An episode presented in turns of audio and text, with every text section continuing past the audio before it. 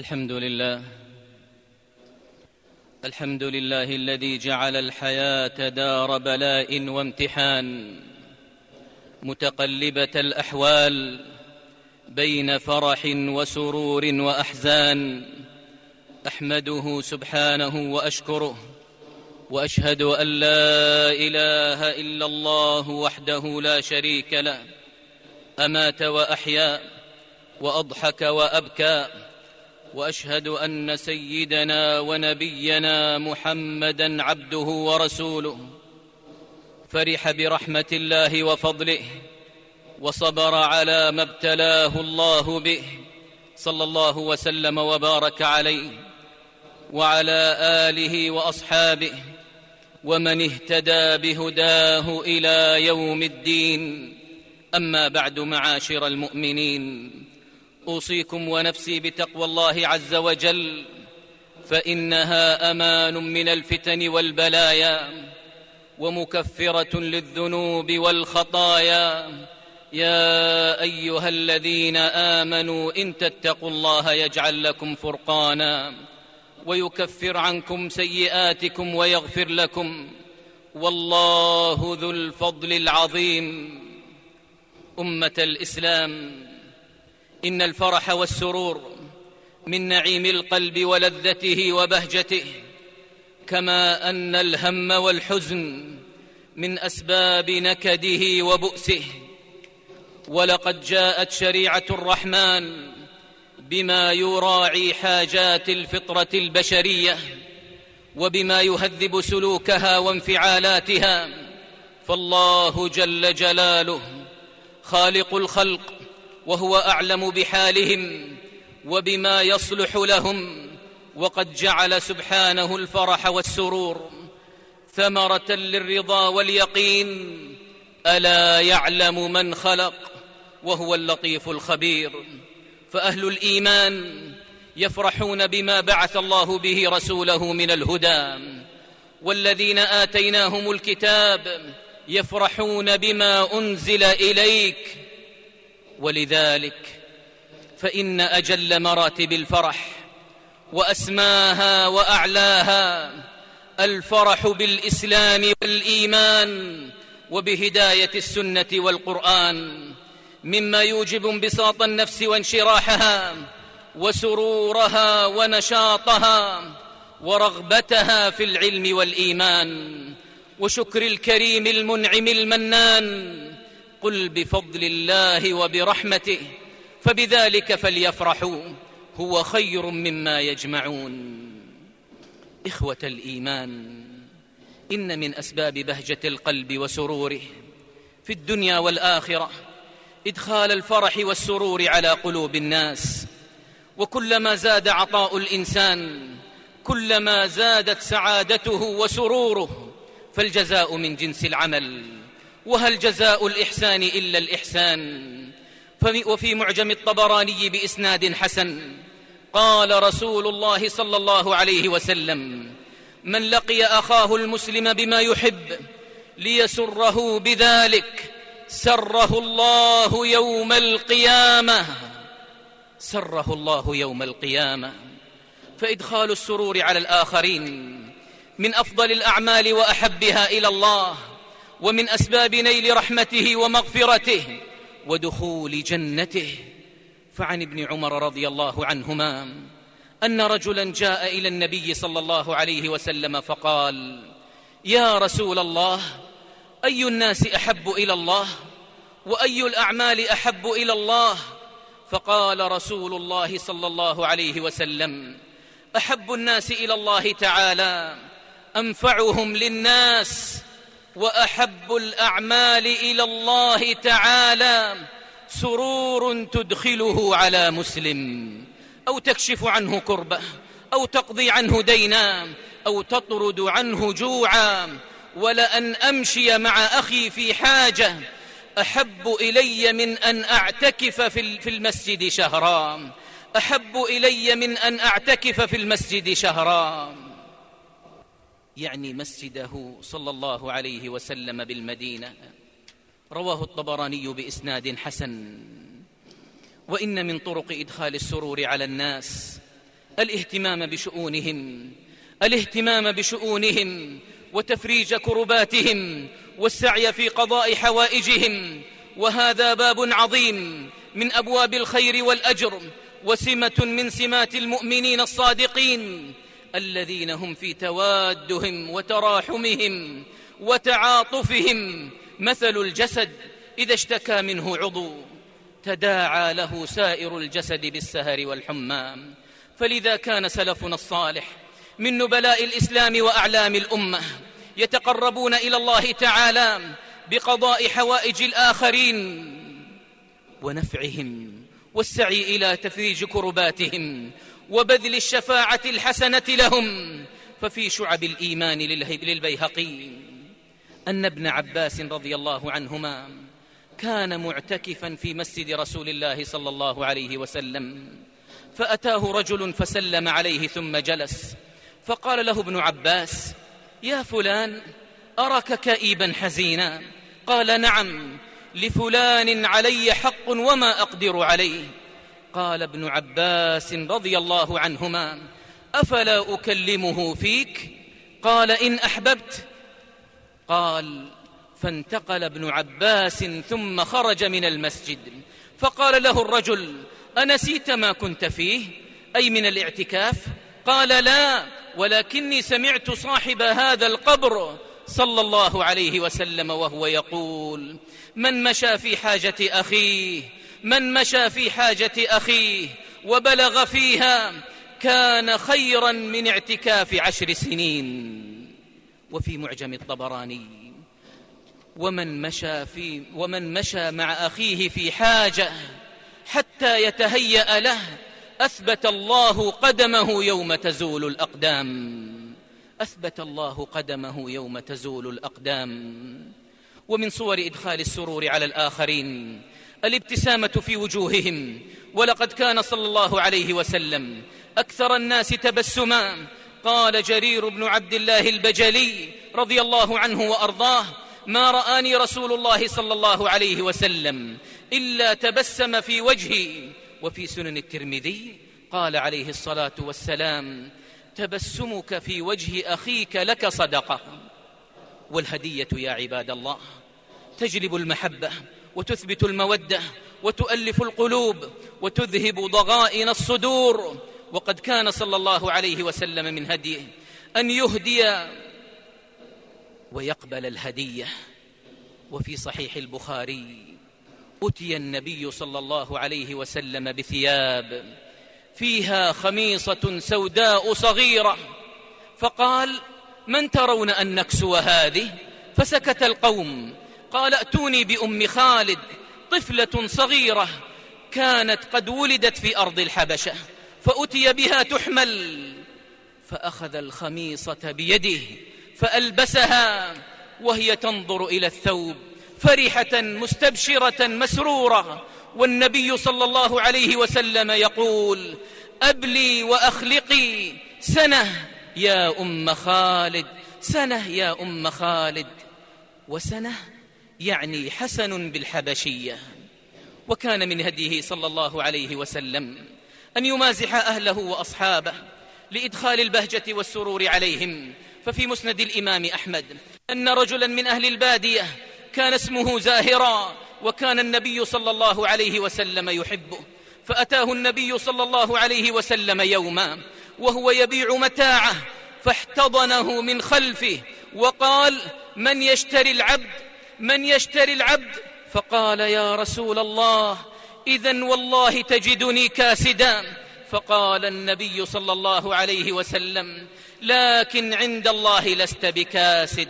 أو قال لكن عند الله أنت غال. وفي قصة الثلاثة الذين تخلفوا عن غزوة تبوك نرى حرص الصحابة رضي الله عنهم وأرضاهم. في تسابقهم لإدخال السرور عليهم وتبشيرهم بما يحبون. فلما أنزل الله تعالى توبته على كعب وصاحبيه وذلك حين بقي الثلث الآخر من الليل وكان النبي صلى الله عليه وسلم عند أم سلمة فقال رسول الله صلى الله عليه وسلم يا أم سلمة تيب على كعب. قالت أفلا أرسل إليه فأبشره؟ قال اذا يحطمكم الناس فيمنعونكم النوم سائر الليلة. حتى إذا صلى رسول الله صلى الله عليه وسلم صلاة الفجر آذن بتوبة الله عليهم. فمن الصحابة من ركب فرسه ليبشرهم ومنهم من صعد على جبل سلع فصاح بأعلى صوته ببشارتهم. قال كعب رضي الله عنه فبين أنا جالس على الحال التي ذكر الله قد ضاقت علي نفسي وضاقت علي الأرض بما رحبت سمعت صوت صارخ أوفى على جبل سلع بأعلى صوته يا كعب بن مالك أبشر قال فخررت ساجدا وعرفت أن قد جاء فرج وانطلقت إلى رسول الله صلى الله عليه وسلم. فتلقاني الناس فوجا فوجا يهنوني بالتوبة. قال كعب حتى دخلت المسجد فإذا رسول الله صلى الله عليه وسلم جالس حوله الناس فلما سلمت عليه قال وهو يبرق وجهه من السرور أبشر بخير يوم مر عليك منذ ولدتك أمك. أبشر بخير يوم مر عليك منذ ولدتك أمك.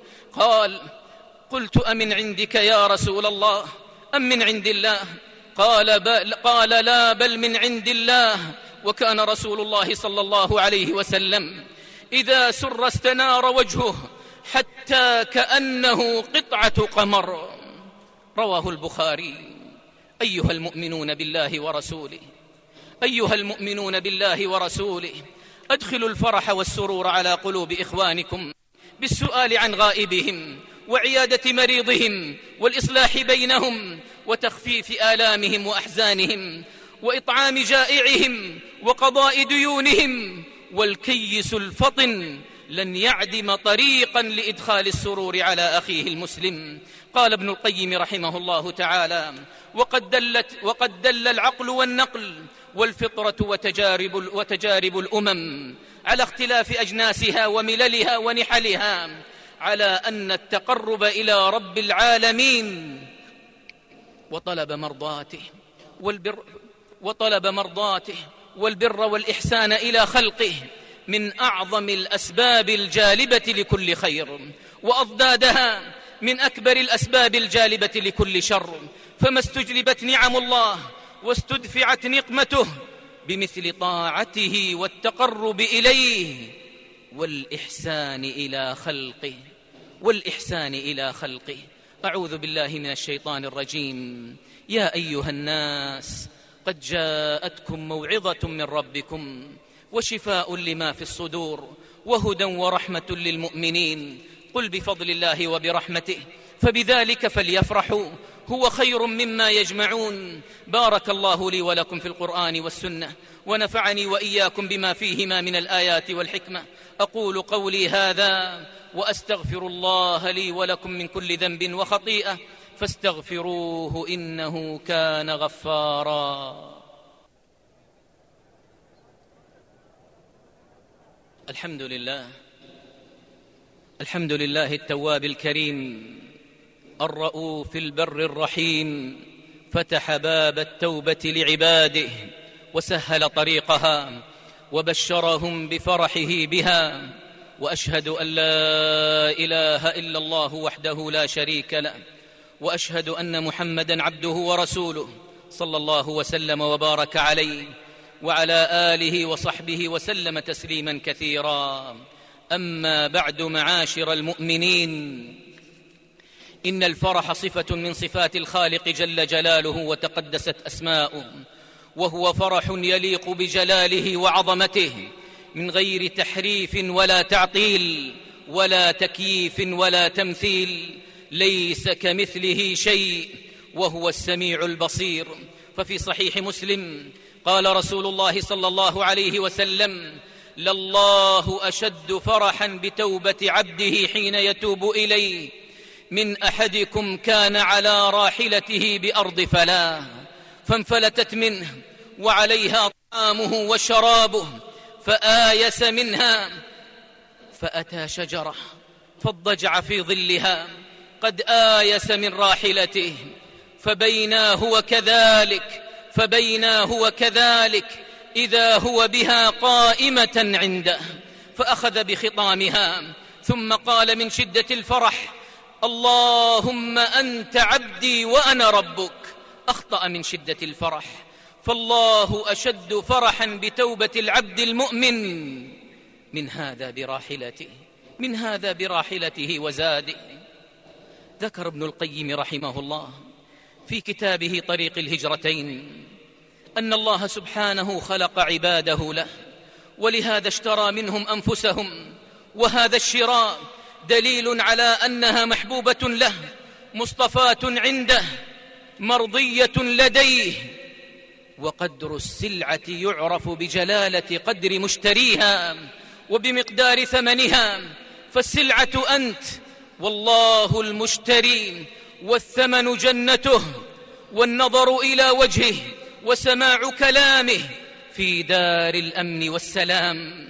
فإذا هرب العبد عن سيده ومالكه معرضا عن رضاه وصالح عدوه ووالاه وصار من جنده مؤثرا لمرضاته على مرضاة وليه ومالكه. فقد عرض نفسه للعقوبة فقد عرض نفسه للعقوبة. فإذا عاوده وأقبل إليه وتخلى عن غيره كيف لا يفرح به محبه؟ كيف لا يفرح به محبه؟ أعظم فرح وأكمله وذلك فضل الله يؤتيه من يشاء. والله ذو الفضل العظيم. إخوة الإيمان إذا أقبل العبد تائبا لربه مقرا بذنبه نادما عليه عازما ألا يعود إليه فرح الرب جل جلاله بتوبته. فرح إحسان وبر ولطف وهو الغني عن عباده وهو الغني عن عباده. فيجازي سبحانه عبده التائب. فرحا وسرورا ولذة وحبورا. فلما فرح الله تعالى بتوبة عبده أعقبه فرحا وبهجة في قلبه. وفي الحديث القدسي يقول الله عز وجل من جاء بالحسنة فله عشر أمثالها وأزيد ومن جاء بالسيئة فجزاؤه سيئة مثلها أو أغفر. ومن تقرب مني شبرا تقربت منه ذراعا ومن تقرب مني ذراعا تقربت منه باعا ومن أتاني يمشي أتيته هرولة ومن لقيني بقراب الأرض خطيئة لا يشرك بي شيئا لقيته بمثلها مغفرة. رواه مسلم. فالله جل جلاله يحب لعباده أن يتوبوا إليه وأن يستقيموا على طاعته حتى يفوزوا بجنته ورضوانه. والذين إذا فعلوا فاحشة أو ظلموا أنفسهم ذكروا الله فاستغفروا لذنوبهم ومن يغفر الذنوب إلا الله ولم يصروا على ما فعلوا وهم يعلمون. أولئك جزاؤهم مغفرة من ربهم وجنات وجنات تجري من تحتها الأنهار خالدين فيها. ونعم أجر العاملين. بل ومن رحمته وكرمه وجوده يبدل سيئات التائب بالحسنات إلا من تاب وآمن وعمل عملا صالحا فأولئك يبدل الله سيئاتهم حسنات وكان الله غفورا رحيما. فلنصدق في توبتنا يا عباد الله فلنصدق في توبتنا يا عباد الله. فالتوبة هي أول منازل السائرين إلى الله وأوسطها وآخرها. فلا يفارقها العبد حتى الممات. وتوبوا إلى الله جميعا أيها المؤمنون لعلكم تفلحون. اللهم ارزقنا الفرح بطاعتك. اللهم ارزقنا الفرح بطاعتك. اللهم ارزقنا الفرح بطاعتك. واملأ قلوبنا أنسا بك وقربنا إليك وأرضنا وارض عنا. يا حي يا قيوم يا ذا الجلال والإكرام.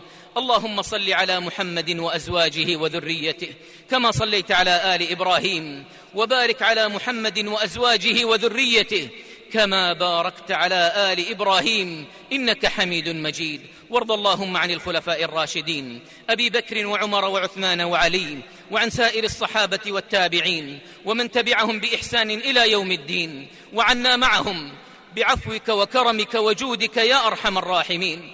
اللهم أعز الإسلام والمسلمين. اللهم أعز الإسلام والمسلمين. اللهم أعز الإسلام والمسلمين. وأذل الشرك والمشركين. واحم حمى الدين. واجعل هذا البلد آمنا مطمئنا وسائر بلاد المسلمين. اللهم أصلح أحوال المسلمين في كل مكان. برحمتك يا ذا الجلال والإكرام.